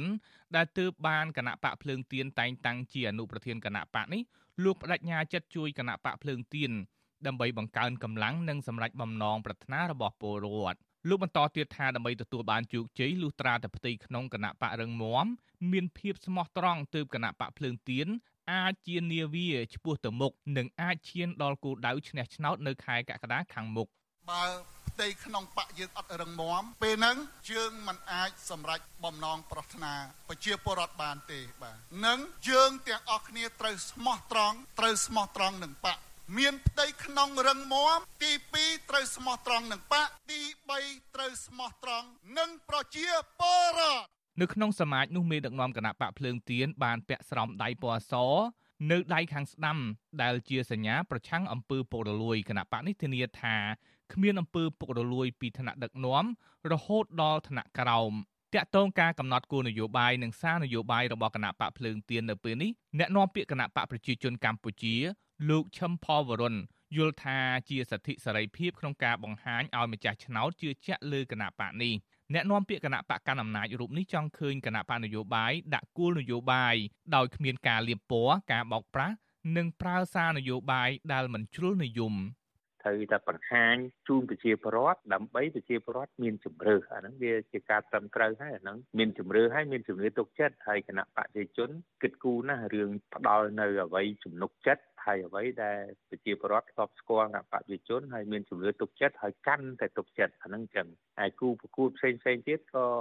យើងគោរពសិទ្ធិរបស់គេឲ្យតែការប្រើសិទ្ធិសេរីភាពនិងកាតព្វកិច្ចជូនប្រជាពលរដ្ឋដោយគ្មានការបោកប្រាស់ទោះបីអ្នកនាំពាក្យគណៈបកកណ្ដាលអំណាចអះអាងបែបនេះក្តីប៉ុន្តែលោកហ៊ុនសែនដែលជាប្រធានគណៈបកកណ្ដាលអំណាចតែងតែប្រើប្រាស់វេទិកាសាធារណៈគំរាមប្រើហិង្សា និងប្រព័ន្ធតុលាការលើគណៈបកភ្លឹងទៀន គណៈបកប្រជាជនកម្ពុជារបស់លោកហ៊ុនសែនក៏បានដាក់ចេញនូវគោលនយោបាយបដិញ្ញាតាមកំតិចចោលនយោបាយនិងសកម្មភាពជ្រុលនិយមគ្រប់រូបភាពឲ្យអស់ពីសង្គមកម្ពុជាពាក់ព័ន្ធទៅនឹងរឿងនេះដែរប្រធានអង្គការសម្ព័ន្ធការពារសិទ្ធិមនុស្សកម្ពុជាលោករស់សុថាសង្កេតឃើញថាកម្មវិធីនយោបាយរបស់គណៈបកភ្លើងទៀនជានយោបាយល្អព្រោះអ្វីដែលគណៈបកនេះដាក់ចេញនៅក្នុងកម្មវិធីនយោបាយ គឺជាបញ្ហាដែលកំពុងកើតឡើងនៅក្នុងសង្គមកម្ពុជាលោកយល់ថាប្រសិនបើគណៈបកភ្លើងទៀនឆ្នះឆ្នោតគណៈបកភ្លើងទៀនអាចនឹងអនុវត្តគោលនយោបាយរបស់ខ្លួនបានព្រោះអ្វីសំខាន់គឺឆន្ទៈហើយធនធានមនុស្សឬធនធានថវិកាគឺជាការកើតឡើងនៅពេលក្រោយ។ ចំណុចស្លាប់រស់របស់គណៈបកការទទួលបានការគ្រប់គ្រងគ្រប់គ្រងសំខាន់គឺគណៈបកណាមួយនោះគឺគិតគូរអំពីស្ដីដល់ការចាំបាច់របស់ជាប្រវត្តិនាពេលបច្ចុប្បន្ននោះសិនមុននឹងគិតគូរទៅរឿងផ្សេងផ្សេងទៀតរឿងធំធំរបស់ប្រទេសជាតិណាបើគណៈបកណាមួយអាចយល់ឃើញហើយនឹងគិតគូរអំពីប្រតិការបច្ចុប្បន្នរបស់ប្រវត្តិគណៈបកនោះច្រើនតែទទួលបានការគ្រប់គ្រងគណៈបកភ្លើងទៀនគឺជាដៃគូប្រកួតប្រជែងជាមួយគណៈបកប្រជាជនកម្ពុជា ក្នុងការបោះឆ្នោតជាតិខែកក្កដាខាងមុខនេះ។ កាលពីការបោះឆ្នោតឃុំសង្កាត់ឆ្នាំ2022កន្លងទៅគណៈបកភ្លើងទៀនទទួលបានសម្លេងទី2ពីពលរដ្ឋបន្ទាប់ពីគណៈបកកណ្ដាលអំណាចទោះបីជាគណៈបកនេះរងការធ្វើទុកបុកម្នេញពីអាជ្ញាធរនិងតុលាការនៃរដ្ឋាភិបាលលោកហ៊ុនសែនយ៉ាងណាក្តីខ្ញុំយុនសាមៀនវិទ្យុអាស៊ីសេរីប្រធានាធិបតី Washington ចាលោកនាងជាទីមេត្រីពាក់ព័ន្ធនឹងស្ថាប័នជាតិរៀបចំការបោះឆ្នោតវិញ មន្ត្រីសង្គមស៊ីវិលនិងមន្ត្រីបកប្រឆាំងជំរុញឲ្យគណៈកម្មាធិការជាតិរៀបចំការបោះឆ្នោតហៅកាត់តកោជបត្រូវបំពេញតួនាទីដ៏ឯករាជ្យស្របតាមច្បាប់ជាជាងណែនាំបកប្រឆាំងនិងសង្គមស៊ីវិលឲ្យគោរពច្បាប់ ចាការលើកឡើងនេះនៅបន្ទាប់ពីប្រធានស្ថាប័នកោជបបានប្រាប់ឲ្យទូតអង់គ្លេសប្រាប់ទៅបពប្រឆាំងនិងសង្គមស៊ីវិលឲ្យគ្រប់ច្បាប់សូមអញ្ជើញលោកដានៀងស្ដាប់សេចក្តីរាយការណ៍របស់លោកថាថៃជំវិញបញ្ហានេះមន្ត្រីគណៈបកប្រឆាំងនិងមន្ត្រីសង្គមស៊ីវិលហ៊ូចិត្តដែលគណៈកម្មាធិការជាតិរៀបចំការបោះឆ្នោតប្រាប់ឲ្យស្ថានទូតចក្រភពអង់គ្លេសជួយណែនាំគណៈបកនយោបាយនិងអង្គការមិនមែនរដ្ឋាភិបាលគ្រប់ច្បាប់ឲ្យបានត្រឹមត្រូវខណៈដែលស្ថាប័នរៀបចំការបោះឆ្នោតមួយនេះ កំពុងរងការរិះគន់ថាមិនបានបំពេញទូនាទីត្រឹមត្រូវតាមច្បាប់ដោយលំអៀងទៅរកគណៈបកកណ្ដាលអំណាចអតីតតំណាងរាជគណៈបកសង្គ្រោះជាតិលោកអ៊ុំសំអានឲ្យវិទ្យុអាស៊ីសេរីដឹងនៅថ្ងៃទី11កុម្ភៈថាស្ថាប័នកោជបគូតែរៀបចំសមាជិកខ្លួនឲ្យឯករាជ្យជាមុនសិនមុននឹងប្រាប់ទៅឯកអគ្គរដ្ឋទូតចក្រភពអង់គ្លេសពីមូលហេតុដែលនាំឲ្យការបោះឆ្នោតមានភាពចម្រូងចម្រាសលោកបន្តថាស្ថាប័នកោជបកំពុងតែដើរធ្លាក់ពីគន្លងអព្យាក្រឹត ដោយសារមន្ត្រីកោជបភាកច្រើន មានកូតាចេញពីគណៈបកកណ្ដាលអំណាចនិងតែងតែបណ្ដោយឲ្យគណៈបកកណ្ដាលអំណាចបំពេញច្បាប់ដើម្បីយកឈ្នះដៃគូប្រកួតដែលគាត់និយាយជាមួយឯកអគ្គរដ្ឋទូតអង់គ្លេសដែលជួយជំរុញឲ្យអ្នកនយោបាយគ្រប់ច្បាប់បានត្រឹមត្រូវគាត់គួរតែលើកឲ្យចំតែម្ដងទៅឲ្យឯកអគ្គរដ្ឋទូតអង់គ្លេសនឹងនិយាយជាមួយលោកហ៊ុនសែនឲ្យគ្រប់ច្បាប់បានត្រឹមត្រូវប្រកាន់នៅគោលការណ៍ប្រជាធិបតេយ្យសេរីភូប៉ាហើយនឹងឈប់រំលោភសិទ្ធិមនុស្សទៀតទៅអានឹងបានជារឿងត្រឹមត្រូវ ប្រធានគណៈកម្មាធិការជ្រៀបចំការបោះឆ្នោតលោកប្រាជ្ញច័ន្ទបានជួបជាមួយនឹងឯកអគ្គរដ្ឋទូតចក្រភពអង់គ្លេសប្រចាំទីក្រុងភ្នំពេញលោក Dominic William កាលពីថ្ងៃទី10ខែកុម្ភៈដោយជជែកផ្ដោតសំខាន់ពាក់ព័ន្ធនឹងដំណើរការរៀបចំការបោះឆ្នោតនាពេលខាងមុខឯកអគ្គរដ្ឋទូតចក្រភពអង់គ្លេសថ្លែងក្នុងជំនួបនោះថាអង់គ្លេសសង្ឃឹមថាការបោះឆ្នោតសកលឆ្នាំនេះនឹងប្រព្រឹត្តទៅក្នុងបរិយាកាសសន្តិភាពសេរីនិងយុត្តិធម៌ដោយមានកន្លែងសម្រាប់ឲ្យទស្សនៈនយោបាយផ្សេងៗគ្នាត្រូវបានបញ្ចេញ លើសពីនេះអង់គ្លេសចង់ឃើញអ្នកមានសិទ្ធិបោះឆ្នោតអាចប្រើប្រាស់សិទ្ធិរបស់ខ្លួនក្នុងការបោះឆ្នោតហើយគ្រប់ភាគីពាក់ព័ន្ធនឹងការបោះឆ្នោតមានសិទ្ធិធ្វើសកម្មភាពដែលរួមមានគណៈបកនយោបាយនិងអង្គការមិនមែនរដ្ឋាភិបាលជាការឆ្លើយតបលោកប្រាច័ន្ទបានចោទថាអ្នកនយោបាយមួយចំនួនបានធ្វើសកម្មភាពរបស់ខ្លួនមិនគោរពច្បាប់ហើយសកម្មភាពទាំងនោះមិនពាក់ព័ន្ធនឹងសមត្ថកិច្ចកោជបទេលោកអះអាងថាកោជបបានអនុវត្តទូនាទីនិងសមត្ថកិច្ចរបស់ខ្លួនដោយផ្អែកលើច្បាប់ ប្រធានគណៈកម្មាធិការជ្រៀបចំការបោះឆ្នោតដែលមានប្រភពចេញពីជួរមន្ត្រីជាន់ខ្ពស់គណៈបកកណ្ដាលអំណាចរូបនេះក៏បានប្រាប់ទៅឯកអគ្គរដ្ឋទូតចក្រភពអង់គ្លេសឲ្យជួយណែនាំទៅគណៈបកនយោបាយនិងអង្គការមិនមែនរដ្ឋាភិបាលឲ្យគោរពច្បាប់ឲ្យបានត្រឹមត្រូវក៏ប៉ុន្តែសង្គមស៊ីវិលនិងអ្នកតាមដានស្ថានភាពនយោបាយមើលឃើញថាការលើកឡើងរបស់លោកប្រាច័ន្ទនេះជាការនិយាយជន់កែងខ្លួនឯងព្រោះកន្លងមក មានតែគណៈបកកណ្ដាលអំណាចប៉ុណ្ណោះដែលតែងតែបំពេញច្បាប់បោះឆ្នោតក៏ប៉ុន្តែស្ថាប័នកោជបបែរជាមើលរំលងផ្ទុយទៅវិញស្ថាប័នកោជបក្រុមការដឹកនាំរបស់លោកប្រាច័ន្ទបែរជាបំបីកំណត់ត្រាប្រវត្តិសាស្ត្រដោយបានដាក់បណ្ដឹងប្រឆាំងអនុប្រធានគណៈបកភ្លើងទៀនគឺលោកសុនឆៃទៅតុលាការដោយសារតែរូបលោកបានបញ្ចេញមតិរិះគន់ភាពមិនប្រក្រតីនៃការបោះឆ្នោតឃុំសង្កាត់នាពេលកន្លងមកនាយកប្រតិបត្តិអង្គការ Netflix លោកសំគុណធាមីមានប្រសាសន៍ថា ដំណើរការបោះឆ្នោតប្រកបដោយសេរីស្មារតីនិងយុត្តិធម៌អាចប្រព្រឹត្តទៅបានលុះត្រាមានការចូលរួមសហការពីគណៈបកនយោបាយទាំងអស់ជាពិសេសស្ថាប័នកោជបដែលដើរតួនាទីជាអាជ្ញាកណ្ដាលគូប្រកាន់យកគោលការណ៍ជំហរអព្យាក្រឹតទោះជាយ៉ាងណាលោកសង្កេតឃើញថាស្ថាប័នកោជបហាក់នៅមានចន្លោះប្រហោងក្នុងការបំពេញតួនាទីជាអ្នករៀបចំការបោះឆ្នោតនិងជាអ្នកសម្របសម្រួលដែលបណ្ដាលឲ្យមានបណ្ដឹងរាប់ពាន់កើតឡើងក្រោយការបោះឆ្នោត កន្លងមកគាត់ថាការដោះស្រាយមិនដឹងមិនកើចបនមិនបានផ្សព្វផ្សាយជាសាធារណៈខ្ញុំចង់និយាយថាភាគីពាក់ព័ន្ធក៏ដោយអ្នកសង្កេតការណ៍ក៏ដោយគឺជូនមិនដឹងទៅឲ្យគេចូលស្ដាប់ព្រោះច្រើនការដោះស្រាយមិនដឹងខាងយើងសង្គមស៊ីវិលអត់ទៅដឹងចាប់តាំងពីមានការរំលាយគណៈបកប្រឆាំងនៅឆ្នាំ2017មកស្ថាប័នកោជបរងការរិះគន់ថាលេងឯករាជ្យនិងក្លាយជាស្ថាប័ន ការពីហឹបឆ្នោតរបស់គណៈបកកណ្ដាលអំណាចដោយសារសមាជិកថ្នាក់ដឹកនាំគោជប3រូបមកពីគណៈបកប្រឆាំងក្នុងចំណោម9រូបដែលបង្កើតឡើងក្រុមកិច្ចព្រមព្រៀងនយោបាយរវាងគណៈបកប្រជាជនកម្ពុជានិងគណៈបកសង្គ្រោះជាតិនៅក្រោយការបោះឆ្នោតជាតិឆ្នាំ2013នោះបានជំនួសដោយមនុស្សដែលមកពីប្រភពគណៈបកកាន់អំណាចជាមួយគ្នានេះប្រទេសលោកសេរីរួមមានសហរដ្ឋអាមេរិកនិងសហភាពអឺរ៉ុបជាដើមបានផ្ដាច់ជំនួយទាំងអស់លែងផ្ដល់ឲ្យគូជបនិងឈប់បញ្ជូនអ្នកសង្កេតការបោះឆ្នោតមកចូលរួមទៀតផង ខ្ញុំថាថៃពីទីក្រុងមែលប៊នលោកអ្នកនាងកញ្ញាកំពុងស្ដាប់ការផ្សាយរបស់វិទ្យុអាស៊ីស្រីផ្សាយចេញពីរដ្ឋធានី Washington ចានៅខេត្តបរសៃអនុអនុវិញយុវជនចលនាមេដាធម្មជាតិស្នើសុំអរដ្ឋាភិបាលដកហូតដីចំណីឆ្នេរអូឈើទាលដែលត្រូវបានបុគ្គលឯកជនហុំព័ទ្ធធ្វើរបងយកដាក់ជាទ្រព្យសម្បត្តិសាធារណៈរបស់រដ្ឋវិញ ការស្នើសុំនេះធ្វើឡើងនៅបន្ទាប់ពីក្រុមហ៊ុនឯកជន ដែលបានធ្វើរបងហុំព័ទ្ធដីឆ្នេរអូឈើទាលបានវាយរបងចេញពីឆ្នេរកាលពីយប់ថ្ងៃទី8ខែកុម្ភៈចាសសេចក្តីរាយការណ៍ពីស្នាមពីរឿងនេះលោកដានៀងក៏នឹងបានស្ដាប់នាពេលបន្តិចទៀតនេះចាសសូមអរគុណចាលោកដានៀងជាទីមេត្រីវັດឈុអសីស្រីសូមជូនដំណឹង ថាយើងគ្មានអ្នកយកព័ត៌មានប្រចាំនៅប្រទេសកម្ពុជានោះឡើយបើសិនជាមានជនណាម្នាក់អះអាងថាជាអ្នកយកព័ត៌មានឲ្យវិទ្យុអសីស្រីនៅកម្ពុជានោះគឺជាការក្លែងបន្លំយកឈ្មោះរបស់វិទ្យុអសីស្រី ក្នុងគោលបំណងទុច្ចរិតរបស់បុគ្គលនោះចាសសូមអរគុណ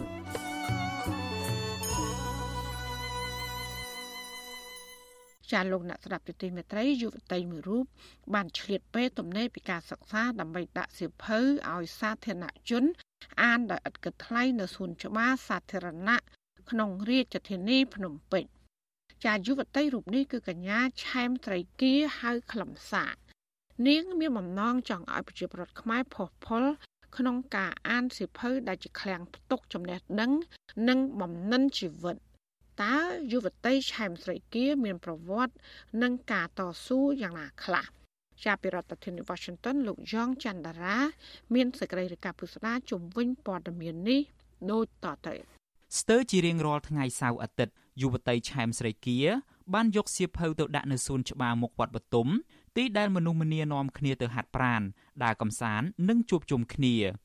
ស្រីគាធ្វើបែបនេះមិនមែនដើម្បីចង់បានការកោតសរសើរឬក៏ស្វែងរកផលប្រយោជន៍អ្វីនោះទេក៏ប៉ុន្តែនេះគឺជាការដើរតាមក្តីស្រមៃរបស់នាងការដាក់សភៅនឹងខ្ញុំពុំមានបំណងអីផ្សេងក្រៅពីចង់ឲ្យយុវជន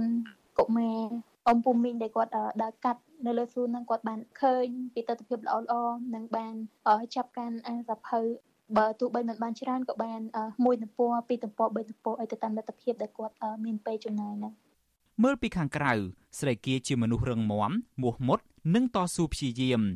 ក៏ប៉ុន្តែទម្រាំដើរមកដល់ចំណុចនេះនាងបានហែលឆ្លងរឿងរ៉ាវដ៏ច្រើននៅក្នុងជីវិត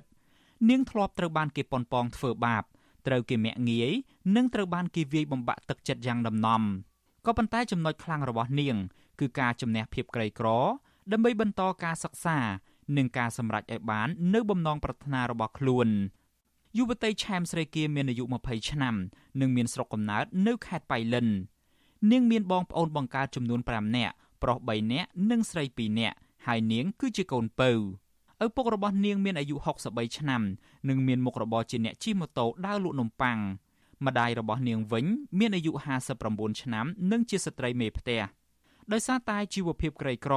បងបងរបស់ស្រីគាភិកច្រើនមិនបានរៀនខ្ពស់នោះទេ គឺបានត្រឹមតែថ្នាក់បឋមសិក្សា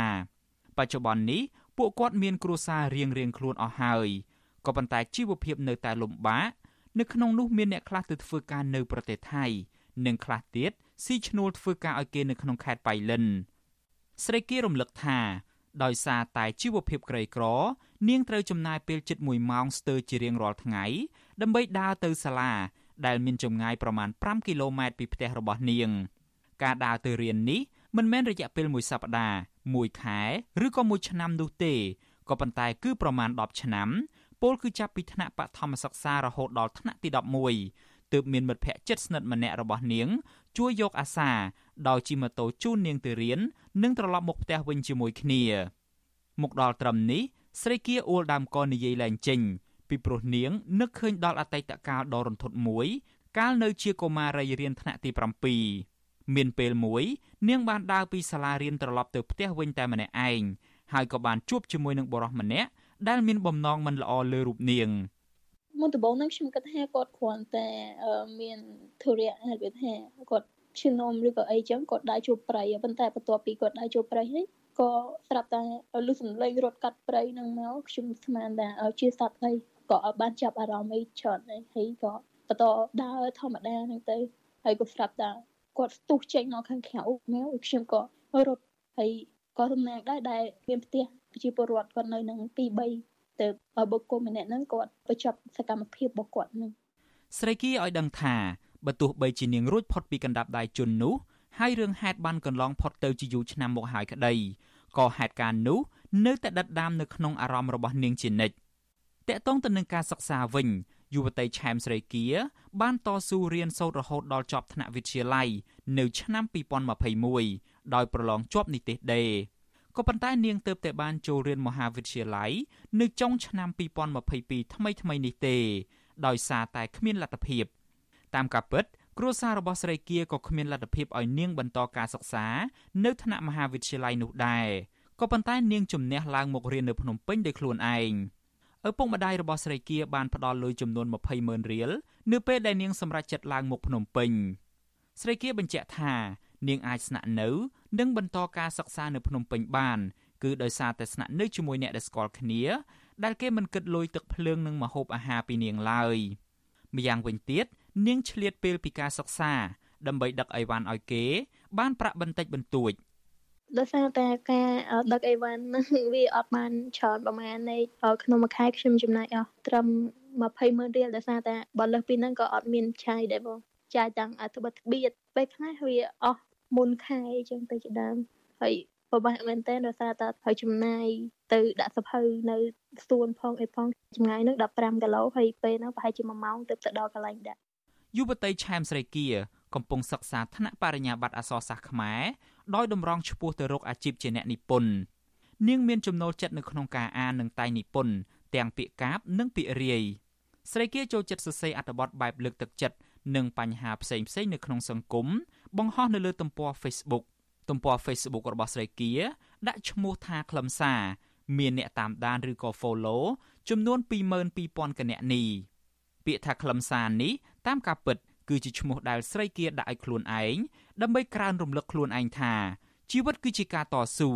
ហើយការតស៊ូនោះឯងគឺជាខ្លឹមសារនៃជីវិតទោះបីជាមានការលំបាកឬក៏បាក់ទឹកចិត្តឬក៏ទទួលសម្ពាធអីពីមជ្ឈដ្ឋានខាងក្រៅក៏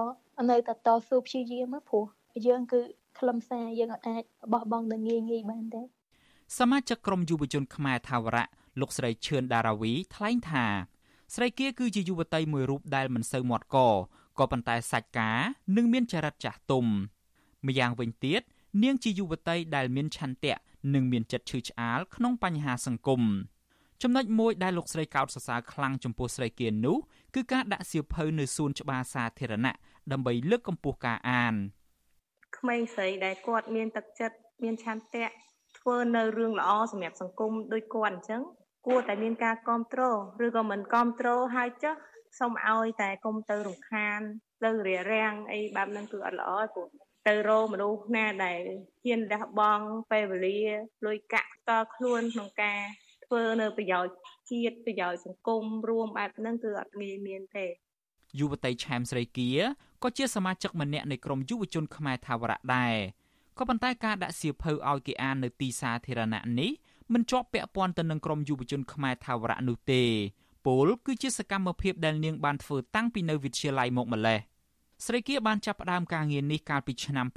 2020ហើយនាងបានបន្តធ្វើវារហូតមកដល់សប្តាហ៍ថ្ងៃនាងបានឆ្លៀតពេលពីការសិក្សា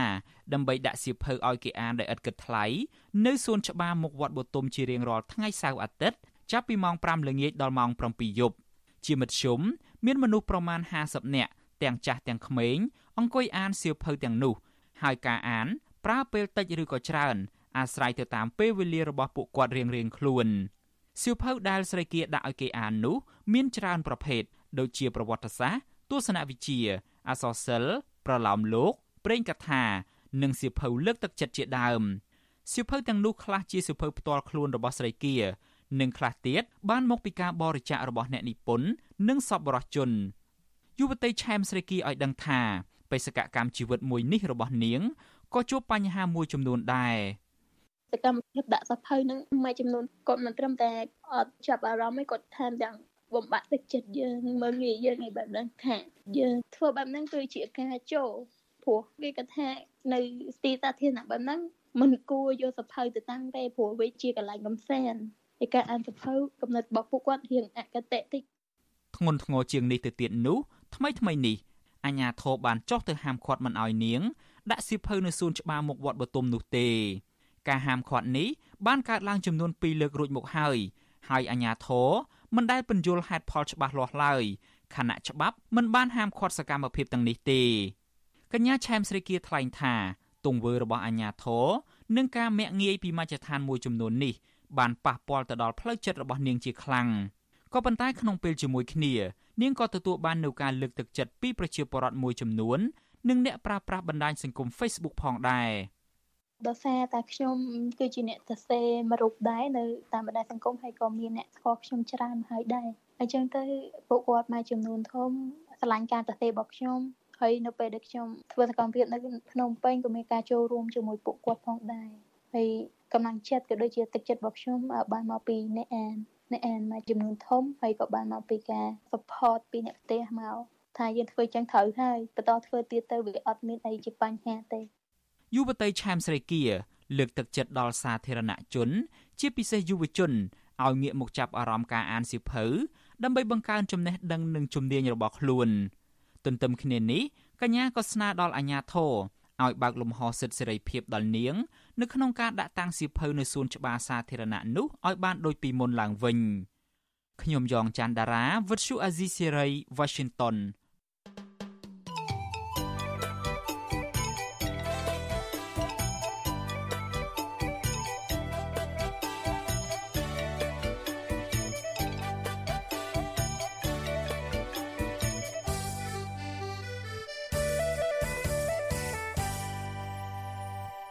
ចាលោកនាយកជាទីមេត្រីយុវជនចលនាមេដាធម្មជាតិស្នើសុំអរដ្ឋាភិបាលដកហូតដីចំណីឆ្នេរអូឈើទាលដែលត្រូវបានបុគ្គលឯកជនហុំព័ទ្ធធ្វើរបងយកដាក់ជាទ្រព្យសម្បត្តិសាធារណៈរបស់រដ្ឋមកវិញការស្នើសុំនេះធ្វើឡើងនៅបន្ទាប់ពីក្រុមហ៊ុនឯកជន ដែលបានធ្វើរបងហុំព័ទ្ធដីឆ្នេរអូឈើទាលបានវាយរបងចេញកាលពីយប់ថ្ងៃទី8ខែកុម្ភៈ ចាប់ពីរដ្ឋធានី Washington លោកមានរិទ្ធមានសេចក្តីរាយការណ៍ពិស្ដារជំវិញព័ត៌មាននេះរបងថ្មដែលសង់នៅជាប់ឆ្នេរអូឈើទាលត្រូវបានអាជ្ញាធរខេត្តព្រះសីហនុសម្របសម្រួលជាមួយម្ចាស់ក្រុមហ៊ុនឯកជនវាយគំទេចចោលហើយតាមបទបញ្ជាពីចម្ងាយរបស់លោកនាយរដ្ឋមន្ត្រីហ៊ុនសែនក្រោយពីមានការរិះគន់ប្រងព្រាតពីសាធារណជនទូយ៉ាងណា សកម្មជនបរិស្ថាន ស្នើសុំឲ្យរដ្ឋាភិបាល ដកហូតដីឆ្នេរសមុទ្រនោះមកធ្វើជាទ្រព្យសម្បត្តិរដ្ឋវិញ ដើម្បីលើកកម្ពស់សម្រស់ឆ្នេរសមុទ្រនិងទាក់ទាញភ្ញៀវទេសចរ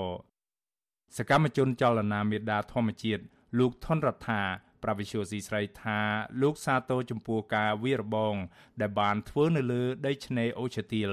ក៏ប៉ុន្តែលោកនៅតែបារម្ភចំពោះការគ្រប់គ្រងដីឆ្នេរសមុទ្រនិងដីចំណីឆ្នេរសមុទ្រដោយក្រុមហ៊ុនឯកជន ដែលមិនបានបម្រើជាផលប្រយោជន៍រួម ដល់សាធារណជន និងវិស័យទេសចរនោះឡើយលោកបានថែមថារដ្ឋាភិបាលគួរដកដីឆ្នេរសមុទ្រអូឈើទាលដែលក្រុមហ៊ុនឯកជនកាន់កាប់មកធ្វើជាទ្រព្យសម្បត្តិរបស់រដ្ឋវិញទាំងអស់ដើម្បីលើកកម្ពស់សម្រស់ឆ្នេរសមុទ្រកម្ពុជាឡើងវិញឲ្យស័ក្តិសមទៅនឹងឈ្មោះដែលអន្តរជាតិផ្ដល់ចំណាត់ថ្នាក់ថាជាឆ្នេរសមុទ្រល្អសម្រាប់អ្វីដែលយើងចង់បានគឺ ចង់ឲ្យឆ្នេរដែលទៅបានរំលោភដោយឯកជនហ្នឹងខ្លាចទៅជាទ្រព្យសម្បត្តិសាធារណៈរបស់រដ្ឋឡើងវិញអញ្ចឹងបើសិនជាមិនទាន់មានលិខិតងាមួយច្បាស់លាស់យើងនឹងមានសកម្មភាពនៅពេលខាងមុខដើម្បីទាមទារឲ្យខាន់តែបានឲ្យឆ្នេរនេះខ្លាចជាទ្រព្យសម្បត្តិសាធារណៈការស្នើសុំនេះធ្វើឡើងបន្ទាប់ពីម្ចាស់កម្មសិទ្ធិដែលមានដីនៅលើដីឆ្នេរអូឈើទាលបានវាយគំទេរបងបេតុងចេញវិញ កាលពីយប់ថ្ងៃទី8ខែកុម្ភៈ ការវារបងបេតុងដែលជាសំណង់រឹងមាំចេញវិញនេះត្រូវបានគេមើលឃើញថាធ្វើឡើងដោយសារតែមានការរិះគន់ច្រើនពីមហាជននៅលើបណ្ដាញសង្គម Facebook និងការសម្របសម្រួលពីរដ្ឋាភិបាលតែប៉ុណ្ណោះឆ្លើយតបនឹងការស្នើសុំនេះអភិបាលរងខេត្តព្រះសីហនុលោកលងឌីម៉ងប្រាវិសុយស៊ីស្រីថាអាញាធរខេត្តបានទទួលគោលការណ៍ពីលោកនាយរដ្ឋមន្ត្រីហ៊ុនសែនឲ្យសម្របសម្រួលជាមួយម្ចាស់កម្មសិទ្ធិដី នៅតំបន់ឆ្នេរអូឈើទាលដើម្បីវាយគំទេចរបង ក៏ប៉ុន្តែលោកថារដ្ឋបាលខេត្តមិនបានទទួលការណែនាំឲ្យដកហូតបានកម្មសិទ្ធិដីនោះទៅជាកម្មសិទ្ធិរបស់រដ្ឋវិញនោះទេម្សិលមិញពេលល្ងាចហ្នឹងគឺថាសម្ដេចតេជោនាយករដ្ឋមន្ត្រីលោកបានណែនាំឲ្យរដ្ឋបាលខេត្តធ្វើការជាមួយនឹងខាងចាស់កម្មសិទ្ធិករដើម្បីឲ្យមានការកែសម្រួលនិងរុះរើរបងបែកខាងសមុទ្ររុះរើចេញអញ្ចឹងក៏ម្ចាស់ក៏បានឯកភាព ទោះបីជាមានការឆ្លើយតបបែបនេះក្តីសាធារណជន បានលើកឡើងថាអភិបាលរងខេត្តរូងនេះគ្រាន់តែឆ្លើយដោះសារដើម្បីការពារបុគ្គលដែលជាម្ចាស់កម្មសិទ្ធិដីតំបន់ឆ្នេរនេះតែប៉ុណ្ណោះព្រោះកន្លងមកលោកមិនបានបង្ហាញឈ្មោះម្ចាស់កម្មសិទ្ធិនៅលើដីឆ្នេរសមុទ្រនេះឡើយសារាចរណែនាំស្ដីពីការអភិវឌ្ឍតំបន់ឆ្នេរសមុទ្រនៅកម្ពុជាដែលចុះហត្ថលេខាដោយលោកនាយរដ្ឋមន្ត្រីហ៊ុនសែនកាលពីឆ្នាំ2012ចែងថា ដីឆ្នេរជំរាលត្រូវកំណត់យ៉ាងតិច30ម៉ែត្រចាប់ពីខ្សែបន្ទាត់ទឹកជោខ្ពស់បំផុតទៅដីគោក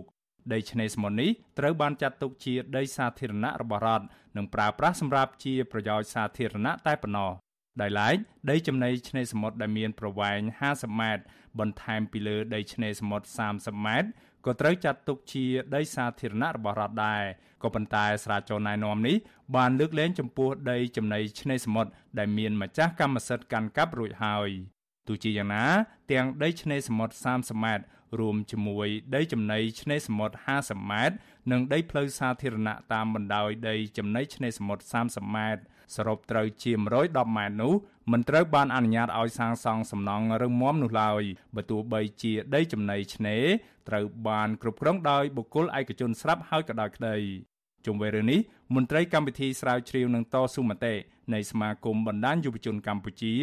លោកហេងកំហុងប្រាវិសុយស៊ីស្រីថាដីឆ្នេរនិងដីចំណីឆ្នេរសមុទ្រដែលក្រុមហ៊ុនឯកជនកាន់កាប់នោះគឺជាអតីតទីតាំងដីនគរបាលជើងទឹក លោកគាំទ្រចំពោះការស្នើសុំឲ្យរដ្ឋាភិបាលដកហូតយកដីនេះធ្វើជាទ្រព្យសម្បត្តិរបស់រដ្ឋវិញ នៅក្នុងករណីរកឃើញថាការផ្ទេរកម្មសិទ្ធិដីឯកជនរបស់រដ្ឋទៅឲ្យក្រុមហ៊ុនឯកជនមួយនេះធ្វើឡើងដោយមានអំពើពុករលួយទន្ទឹមគ្នានេះលោកហេងកំហុងក៏ស្នើសុំឲ្យរដ្ឋាភិបាល បង្ហាញពីដំណើរផ្ទេរកម្មសិទ្ធិដី នៅតំបន់ឆ្នេរអូឈើទាលនេះផងដែរដើម្បីបង្ហាញពីដំណាភាពដល់សាធារណជន រដ្ឋាភិបាលក្តីភាគីពាក់ព័ន្ធផ្សេងទៀតក្តីត្រូវតែធ្វើការពិនិត្យនិងពិចារណាឲ្យបានគ្រប់ជ្រុងជ្រោយទៅលើការសម្រេចរបស់ខ្លួនជាពិសេសកុំឲ្យមានទំនាស់ផ្នែកច្បាប់ឬក៏វិធានគតិយុត្តដែលមានស្រាប់រដ្ឋាភិបាលបើកណាសម្រេចខុសអំពីឆន្ទៈនៃច្បាប់ដែលមានស្រាប់វានឹងធ្វើឲ្យមានការប្រតិកម្មពីសំណាក់មហាជនឬក៏ធ្វើឲ្យការអនុវត្តច្បាប់នឹងវាមានស្តង់ដារខុសពីគ្នាបាទ ទោះជាយ៉ាងណារហូតមកដល់ថ្ងៃនេះគេនៅមិនទាន់ដឹងថានរណាជាម្ចាស់កម្មសិទ្ធិដីឆ្នេរសមុទ្រនេះឲ្យពិតប្រាកដនៅឡើយទេដោយសារតែអាជ្ញាធរខេត្តព្រះសីហនុជួយការពារបិទបាំងខ្លាចខូចកេរ្តិ៍ឈ្មោះរបស់បុគ្គលរូបនោះសកម្មជនចលនាមេដាធម្មជាតិបញ្ជាក់ថាក្រមយុវជនចលនាមេដាធម្មជាតិនឹងនៅតែធ្វើសកម្មភាពតស៊ូមតិដោយអហិង្សា ដើម្បីទាមទារឲ្យរដ្ឋាភិបាលដកហូតដីស្ថិតនៅលើឆ្នេរសមុទ្រអូឈើទាលនេះមកធ្វើជាទ្រព្យសម្បត្តិរបស់រដ្ឋវិញ នៅក្នុងពេលឆាប់ឆាប់ខាងមុខនេះប៉ះសិនបើរដ្ឋាភិបាលមិនមានវិធានការដកហូតបានកម្មសិទ្ធិដីនេះទេខ្ញុំបាទមេរិត Visual C ស្រីពីរដ្ឋធានី Washington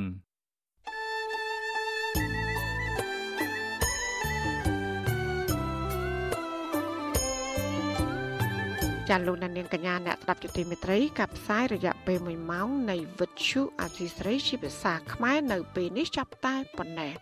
ចាយើងខ្ញុំទាំងអស់គ្នាសូមជូនពរលោកនាងព្រមទាំងក្រុមគូសាទាំងអស់សូមជួបប្រកបតែនឹងសេចក្តីសុខសេចក្តីចម្រើន ជានិរន្តរ៍ចាននាងខ្ញុំម៉ៃសុធានីព្រមទាំងក្រុមការងារទាំងអស់នៃវិទ្យុអសីស្រីសូមអរគុណនិងសូមជម្រាបលា